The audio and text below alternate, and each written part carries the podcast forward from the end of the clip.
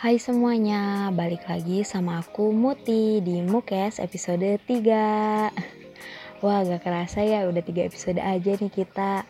Nah kira-kira teman-teman tahu gak untuk episode ini aku bakal bahas apa? Nah jadi setelah kemarin aku bahas tentang kesehatan mental Kali ini aku mau bahas tentang program stunting. Nah gak perlu lama-lama lagi yuk kita langsung masuk aja ke topik pembahasan kita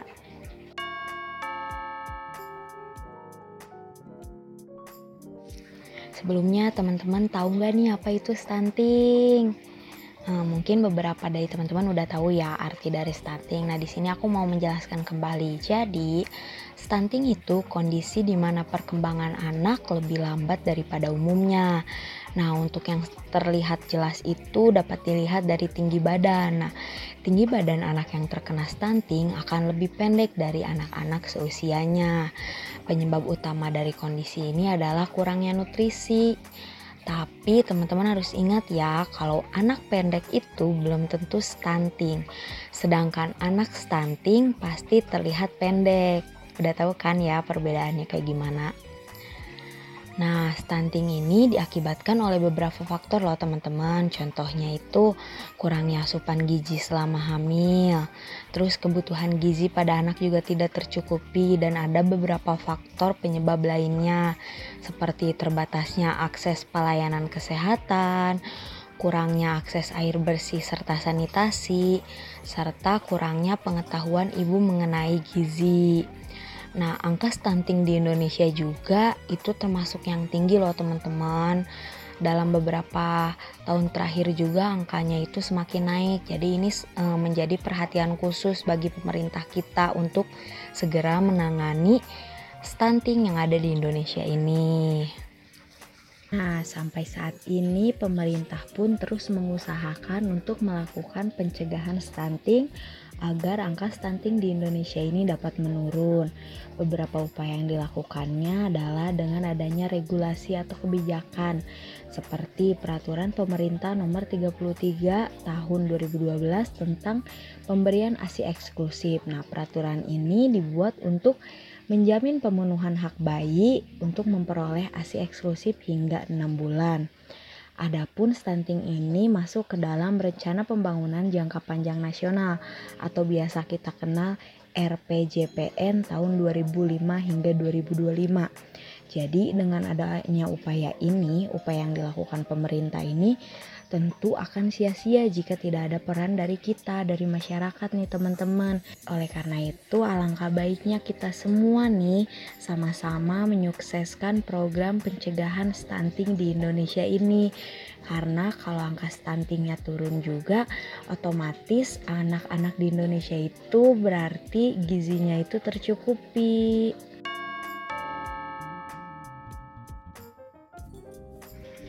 Nah, pasti teman-teman bertanya-tanya nih, emang stunting itu berdampak apa lagi sih selain ketinggi badan anak? Jadi, stunting itu akan berdampak ke pertumbuhan anak lainnya nih teman-teman, seperti menurunkan kemampuan perkembangan kognitif pada otak anak yang tentu itu akan berpengaruh terhadap proses belajar anak. Selain itu, kekebalan tubuh anak pun menjadi lemah, sehingga anak-anak yang terkena stunting lebih mudah terserang penyakit daripada anak-anak lainnya.